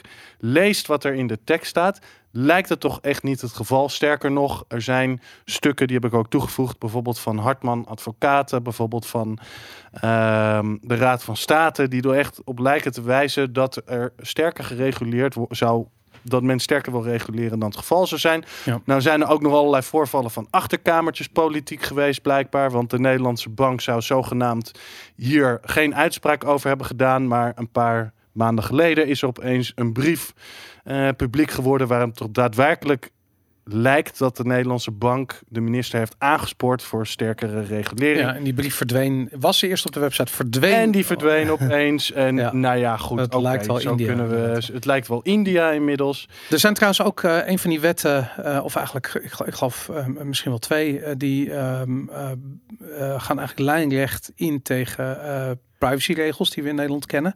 Eh, en daardoor is ook de organisatie Privacy First eh, aan de bel gaan trekken. Ja, Ja. En die zegt ook van, doet het advies aan de Eerste Kamer, behandel alsjeblieft die AMLD5 wetsvoorstellen zorgvuldig. Ehm, en eh, gisteren was er in eh, de Eerste Kamer dus eindelijk die, ehm, die lang verwachte hoorzitting van de commissie Financiën. Ehm, en eh, wij waren druk op zoek op internet van wat is daar in godsnaam besproken. En wat blijkt, eh, Het is niet heel veel. Ja, je de- hebt dus ik ga het even voorlezen. De oproep om Raad van State eh, of van de Raad van State om de Eerste Kamer ook over de implementatiewet en eh, bankportaal te laten voorlichten is niet opgepakt. Wel komt er een nieuwe ronde vragen over de cryptoregulering. En die vragen gaan worden gesteld door de ChristenUnie, SP en de groep Otte. Nou ja, goed, weet je, ik bedoel, ik vind het zo, Ja. eh, het duurt zo lang allemaal. Het Ja, is- maar goed, maar dat kan dan wel nu in ons voordeel zijn. Maar er is dus op 3 december was alles door de Tweede Kamer eigenlijk zonder slag of stoot goedgekeurd. En het ligt nu dus bij de Eerste Kamer, inderdaad, zoals je zegt. Ja. En wat dus eigenlijk nu weer de actie was van eh Verenigde Bitcoin Bedrijven Nederland, de Privacy First, Mhm. was proberen om de Eerste Kamer te laten kijken wat er nou daadwerkelijk gezegd is door de Raad van State over die wetsvoorstellen. En om te toetsen of dat daadwerkelijk is ingevoerd. Maar, maar dan wachten we dus twee maanden op zo'n vergadering en dan wordt het gewoon En dan loopt het weer met een, sisser, met, Ja. een beetje met een sisser af. En er wordt eigenlijk niet... Ja, nou ja, er wordt dus één van die wetsvoorstellen over het UBO-register. Daar komt dan geloof ik een... eh, wat komt daar over nu? Nou, ik ben het alweer kwijt. Zie je, je raakt helemaal verstrand in dit soort... Ja, rare- het, is het zijn drie wetten. Wij als onder, ondernemers die Ja. gewoon zeg maar daadwerkelijk zinvolle bijdrage willen leveren aan de maatschappij raken hier helemaal in verzeild, omdat het gewoon het is niet te doen. Oh, het is echt niet te doen. Maar ik, en het ik, is gewoon niet te doen. ik begrijp ook niet dat je als politicus je hiermee eh, eh, drie maanden lang iedereen met een kluitje eh, in het riet stuurt. Weet je, hoe krijg je het voor elkaar om je dat je Drie hier maanden lang zijn al twee, twee jaar lang Ja, dat. Nederlandse bitcoin-ondernemingen Ja. continu hierover aan het nadenken zijn, continu op de koffie moeten bij de DNB, continu eh, discussie hierover moeten voeren, geld uitgeven, terwijl Ja. wij moeten onze tijd eraan besteden, terwijl wij ook wel betere dingen te ja, we hebben. hadden het over dan- coronavirus kunnen hebben nu. Maar hebben ze wel lekkere koffie bij het DNB? nee, Nee, nee, het is hele, hele hele, want bij hele zure, hele slechte koffie. Nee, het is echt, echt heel niet te zuipen. En, eh, en je krijgt er niet eens een koekje niks bij. vergeleken met Nee, beton, Je niks in er ieder eens geval. een koekje bij. Geen koekjes, niks. Nee, maar weet je, en, eh, dit- hoeveel tijd heeft dit ondernemingen, terwijl ze van allerlei andere dingen hadden kunnen doen. ja. Nou ja, kijk, En nu moeten ze alleen maar een en dan moeten ze weer wachten. Maar ik snap gewoon heel goed dat die bedrijven gewoon vertrekken uit Nederland. Wat moet je hiermee? Je kunt toch geen bedrijf runnen met deze onzin?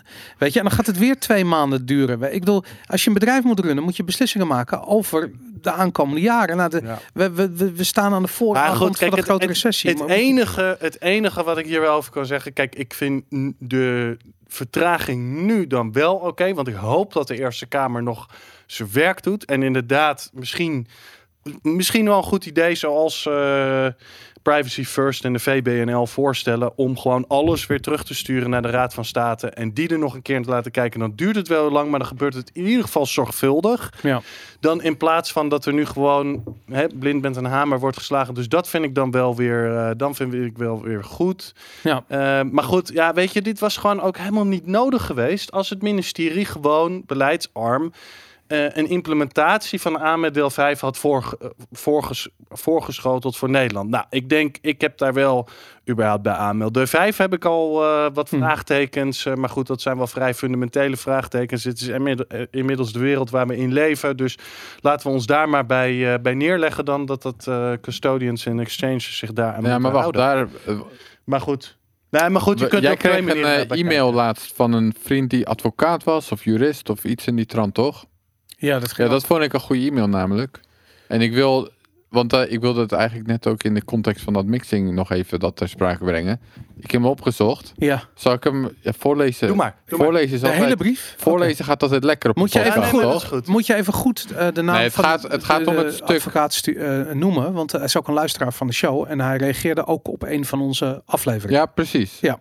Eh, oef, het is wel lang om voor te lezen. Hè? Het is Maar ik vond het wel goed. Ik vond hij verwoordde in veel officiëlere, betere woorden wat. Hoe lang wat- denk je dat duurt om voor denken. te lezen? Nou ja, zal ik gewoon beginnen. We komen er wel.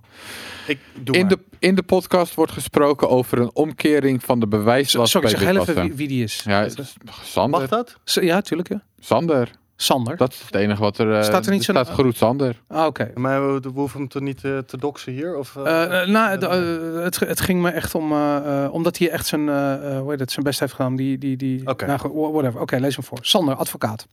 Mijn vriend advocaat en hij heet Sander. Dat is het enige wat jij ons hebt verteld volgens mij. In de podcast wordt gesproken over een omkering van de bewijslast bij witwassen. In die zin dat jij de bewijslast op je krijgt als jij niet kan verklaren over de herkomst van het geld. Dat werd letterlijk door jullie gesteld. Ja. Het is echter natuurlijk niet een kwestie van niet kunnen verklaren.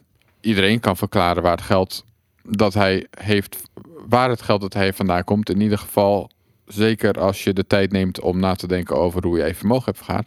Maar het is meer een kwestie over, van het willen verklaren over de herkomst. En dit botst mijn inziens nogal met een fundamenteel mensenrecht, te weten het zwijgrecht. Dat is ooit in het leven geroepen vanuit de gedachte dat het onmenselijk is om aan je eigen veroordeling te moeten meewerken, maar ook vanuit het idee dat je het recht hebt om geen antwoord te hoeven geven op de vragen die vanuit de overheid worden gesteld. Een zeer gezond uitgangspunt dat echter in onze rechtspraak met voeten wordt getreden, terwijl in artikel 29 van het wetboek van strafvordering dit recht gewoon staat. Je ziet het overigens niet alleen bij witwassen, maar ook bij alle overige delicten. Want wat is het geval? Vaststaande rechtspraak is dat een verklaring waarin de verdachte zegt ik zwijg, niet als bewijsmiddel tegen hem gebruikt mag worden. Dat is nog steeds zo. Maar in de rechtspraak van de Hoge Raad was het altijd zo dat het de rechter wel was toegestaan om de afstand tussen een bewijsmiddel en de bewezen verklaring te dichten met de verwijzing naar het zwijgen van een verdachte als de omstandigheden zijn die schreeuwen om uitleg van de kant van de verdachte en dat de rechter voort zelf het gat mag vullen door een voor de hand liggende conclusie te trekken. Zijn jullie er nog? Ja, maar misschien moet ik dat even zal ik- samen, samenvatten. Nee, maar ik ben er nu wel bijna. Oké, het is bijna. niet heel lang meer. Oké, dus denk bijvoorbeeld aan een man die met een smoking gun in zijn hand staat. Onder zijn voeten ligt, eh, onder, onder zijn voeten ligt een lijk met een kogel in zijn hoofd. Dat komt uit het wapen van de man en, is, en er is in de wijde omtrek geen andere persoon te zien. Als deze man onder omstandigheden geen verklaring aflegt, dan mag de rechter voor de hand liggende conclusie trekken dat hij de persoon die daar ligt heeft neergeschoten en daarbij wijzen naar het stilzwijgen van de verdachte. Ik kan daar goed inkomen. Maar wat er nu gebeurt, met name ook in witwaszaken, is mijns inziens van een andere orde. Immers, rechters trekken door te wijzen naar het zwijgen van de verdachte niet zozeer een voor de hand liggende conclusie, zoals bij de smoking gun, maar kiezen gewoon het scenario van de aanklacht. Als jij niet vertelt, dan is het witwassen en dan is het wat mij betreft fundamenteel in strijd met het zwijgrecht. Ja, met andere woorden, je mag niet zeggen, het gaat je niks aan. Precies. En dat, dat is juridisch heel erg belangrijk in een land met individueel, een vrij land met individuele rechten. Mhm. Maar als het dan gaat om geld, dan mag dat opeens niet meer. En dan ben je dus bij default schuldig als je je privacy in, oog, in acht wil houden. Of En- als je gewoon niet wil meewerken aan En, en zoiets. dat is wat jij zei, En van die is- omgekeerde bewijslast Precies. waar je dus tegenaan loopt. Maar En- dit past dat allemaal vind in ik het echt, plaatje. Dat vind ik echt kwalijk. ja. Ja, maar dat en past allemaal. maar geaccepteerd. Het past allemaal in het plaatje, want er was ooit eens een, een onderzoek volgens mij ook naar Best Mixer IO. Moet ik even opzoeken waar we dat hadden gezien. Dat meer dan 98% van Best Mixer IO niks anders was Ja. dan mensen die gewoon hun privacy wilden beschermen en niet Tuurlijk. van criminele gelden was. Ja, en vervolgens wordt ons belastinggeld naar een organisatie als de Field gegooid, die alleen maar dus dit soort dingen doet. Ja, Dus, nee, ik- ja, het is heel moeilijk. En het is, het is inderdaad een field die zegt van wat denken we dat we hier aan het doen zijn. En dan moet je dus met een verhaal op de proppen komen. En eh, niet een verklaring eh, ehm, eh, geven. Maar totdat wij als belastingbetalers zeggen van wij willen niet dat er een organisatie bestaat als de Field die zeg maar dit soort, dit soort dingen groeien zonder go- echte goede redenen zomaar oprolt. Ja, dan, nou ja, goed. eh, Ik, ik, ik moet zeggen, ik heb of in ieder geval ik- dat, er een, dat er meer vragen bij Ik heb niet gesteld, eens per se zeggen. problemen met de field op zich. Ik heb problemen met, de omdre- met het omkeren van de bewijslast. En ehm, eh, je kunt dit op heel veel verschillende manieren eh, kun je dit voorbeeld toepassen. En eh, ik, ik kreeg een ander eh, bericht van iemand die, van- die kreeg een mailtje van zijn bank. Die had wat bitcoin gekocht. Het was niet eens een groot bedrag. ANS Bank was het volgens mij. En die ANS Bank zegt zo van luister, ik wil nu van jou weten wat, wat is de herkomst van het geld. En anders zeggen we onze samenwerking op. Dus sluiten ze gewoon je rekening. En het enige wat ze willen is een verklaring. Ze willen niet. Ze kunnen zelf zien dat er bij wijze van spreken dat er salaris binnenkomt en daarvoor gekocht is. Nee, daar gaat het niet om. Het gaat erom dat die eigenaar van die rekening verklaart waar het geld vandaan komt. Het gaat niet eens om wat is er feitelijk aan de hand. Het gaat om wat verklaart de eigenaar. En dat is zo ontzettend raar. En die banken werken daarmee. Daar, daar gaat het al mis. Dat hele systeem. Ja, die moeten Is- eraan meewerken. moeten daar Daarom, maar dat hele systeem is dus, want die banken liggen onder dezelfde eh, eh, eh, omgekeerde bewijslastdruk als het ware. Ehm, en ja, dit hele systeem is daarop gebouwd. Groot probleem. Maar goed, Nou, en zoals wat ik in de vorige aflevering zei, en ik denk dat jij dat dan ook bedoelde, dat als je zoiets als een field hebt of een recherche of wat dan ook, en ze hebben een aanleiding om onder te, on- te gaan onderzoeken, om iets te onderzoeken, Ja. iemand is verdacht ergens van, ja, dan mogen ze voor mij best dat onderzoek gaan plegen op wat voor manier dan ook. Maar het gaat dus om dat je zelf, als je zelf niet zegt hoe je daarnaar komt, ben je schuldig. Dat is echt ja, het is het equivalent van, oh jij doet je deur op slot thuis, dan zul je wel iets te verbergen hebben Precies, thuis. ja. En dat is gewoon eh, het, het probleem met dat Je gordijnen dicht. Ja. Bitcoin is zo nieuw dat al die mensen die bezig zijn met opsporing en regelgeving, die snappen er helemaal niets van. Ja, dat komt er dan nog. Maar ja, en het is lekker makkelijk voor ze om het op deze manier te doen. Ja, omdat iedereen zijn deur op slot heeft. En dat was Dus ook het eh, originele idee natuurlijk van, eh, van het instellen van witwasregels. Klopt, inderdaad. Goed, ehm, laten we het over iets vrolijkers hebben. Eh Zebedee, een developer, developers, bitcoiners van het eerste uur, die hebben een eh, plugin, een SDK, een software development kit gemaakt voor Unity. Weet jullie wat Unity is? Nee, zeg mij ook niks. Vet. Eh, Unity is de meest gebruikte game engine. Dus als je een Oh, videogame wil maken, dan maak je gebruik van eh, de Uni- Unity eh, eh, engine. Eh, en daar bouw je dus je game in. En wat we natuurlijk eh, als bitcoiners heel graag willen, wat we allemaal het gevoel hebben van als eh, eh, Lightning Network met name wordt toegepast in videogames, dan gaat dat ontzettend veel doen voor de adoptie van bitcoin. En zeker van Lightning. Eh, alleen ja, je vraagt dus van uh, bewijs van spreken uh, uh, independent game developers dat ze ook eens eventjes zich gaan verdiepen in Bitcoin en uh, de techniek erachter. Nou, dat kost natuurlijk een gigantische investering. En dan gaan ze kijken, ja, gaan mensen dat echt gebruiken? En dan zijn er in de omgeving geen Bitcoiners en weet ik wel lastig, lastig, lastig. En wat het hele ding is, gameontwikkelaars tegenwoordig zijn gewoon ge gewend om kant-en-klare tools te gebruiken, zoals Unity. Hmm. Nou, nu is daar dus een uh, SDK voor die dus het mogelijk maakt om slechts. Uh, het is echt super simpel. Dus hebben die is de naam van een developer? Het is uh, ja een, een, development team uh, zitten uh. in uh, twee of drie jongens uit, uit Londen volgens mij. Die dit, eh, die dit ontwikkeld hebben, omdat ze gewoon zoiets hadden van ja, het is heel belangrijk dat eh, game developers niet hoeven na te denken over, weet ik veel, Bitcoin repositories en weet ik veel, nieuwe Lightning protocollen die, die uitkomen of aanpassingen, weet ik veel. Dat moet gewoon kant-en-klaar werken. En zij moeten zich bezighouden met het ontwikkelen van game design. En dat, eh, dat is nu in, in een closed beta gaan. Je kunt je daarvoor opgeven via de GitHub van Zebedee. Nou, als je dat even googelt, dan, dan, dan vind je dat gelijk. Tof. En ehm, wat ik er zo ontzettend cool aan vind, is dat je echt in, in slechts enkele klikken heb je al een hele simpele eh, Lightning integratie gebouwd in je videogame. Er staan ook wat video's op YouTube eh, hoe, hoe dat werkt. Ehm, en als je meer wil doen, ik bedoel, stel dat je een hele economie in je game zou willen bouwen door middel van Lightning Network, dan kan dat ook daarmee. Dus dat is echt super cool. Nice. Nice. Ja, ik wist dat niet. Ja, nee. Je, je vertelt ons wat nieuws. Ja, het is, eh, het is super tof. Het is, het, is, het is echt de eerste keer dat dit zo- zo'n uitgebreid eh, pakket is aangekondigd. Het is natuurlijk nog niet officieel uit, maar het komt uit. Vet. Goed. Wanneer komt het uit? Eh, dat weet ik niet, maar de, het is nu een closed beta. Als je mee zou willen Hmm. doen, dan zou je nu daarvoor op kunnen geven. En dan krijg je ongetwijfeld toegang. En eh, ik denk dat dit nog heel lang... Wat voor games eh, worden er gebouwd op Unity? K- Kan je voorbeelden noemen? Waar moet ik aan denken? Ik denk 80, 90 procent van alle indie games worden nu gebouwd op Unity. Oh, echt? Dat ja, is echt heel veel. Dus dat, en het leuke is, je wil Maar juist... dan maakt het dus niet uit, niet uit wat voor game het is. Ik bedoel, gaat het om platformers? Of, Nee, maakt niet uit. Nee, nee? Ah, kan, ja, het, Vet. het is gewoon... eh, ja, Puzzle games. Kan ook. Puzzelgames mogen. Alles mag. Ja, daarom. Dus dat, eh, nee, dat is heel tof. Ehm, Justin Sun en Proof oh ja. of Work. Ja, ik Nee, ik, eh, ik heb dat niet bijgehouden. Heb je het niet bijgehouden? Nee, wel. Nee, Ik dacht, het lijkt me een leuke afsluiting. Ja, Gewoon, eh, ja, oh, ja, even ik dacht al jou ervan dat je ertussen Ik heb er wel iets over gehoord, maar vertel dan maar. Nou, vertel maar. Nou goed, eh, er is een, eh, een cryptocurrency die heet Steam. Ehm, en die hebben ook nog, er hoort ook nog een soort platform bij. Het idee is dat als je content maakt, dan kun je betaald worden in Steam. Bestaat dat nog? Coins. Ja, het bestaat nog steeds. God, en het werd ook nog wel gebruikt. Het was best wel groot eventjes. Inderdaad, dat klopt. Eh, zij hebben een, eh, op een gegeven moment een, eh, een soort... Ook nog iets waar Trace Mayer eh, zat, zat te pumpen. Hè? Gaan we nog, laten we het zo nog heel even over Trace Ja, Mayer maar, hebben. nou ja, maar de mensen denken dat dit voor het eerst is, maar had er wel vaker een handje van hoor. Ja, ja, dat Steam, met we toch al Steam was hij ook al bezig. Dash maar- zei je ook wel volgende keer, Ja. inderdaad. eh, dat is absoluut waar. Goed, ehm, eh, Steam heeft eh, een delegated proof of stake systeem. Ze hebben geen proof of work, ze doen proof of stake.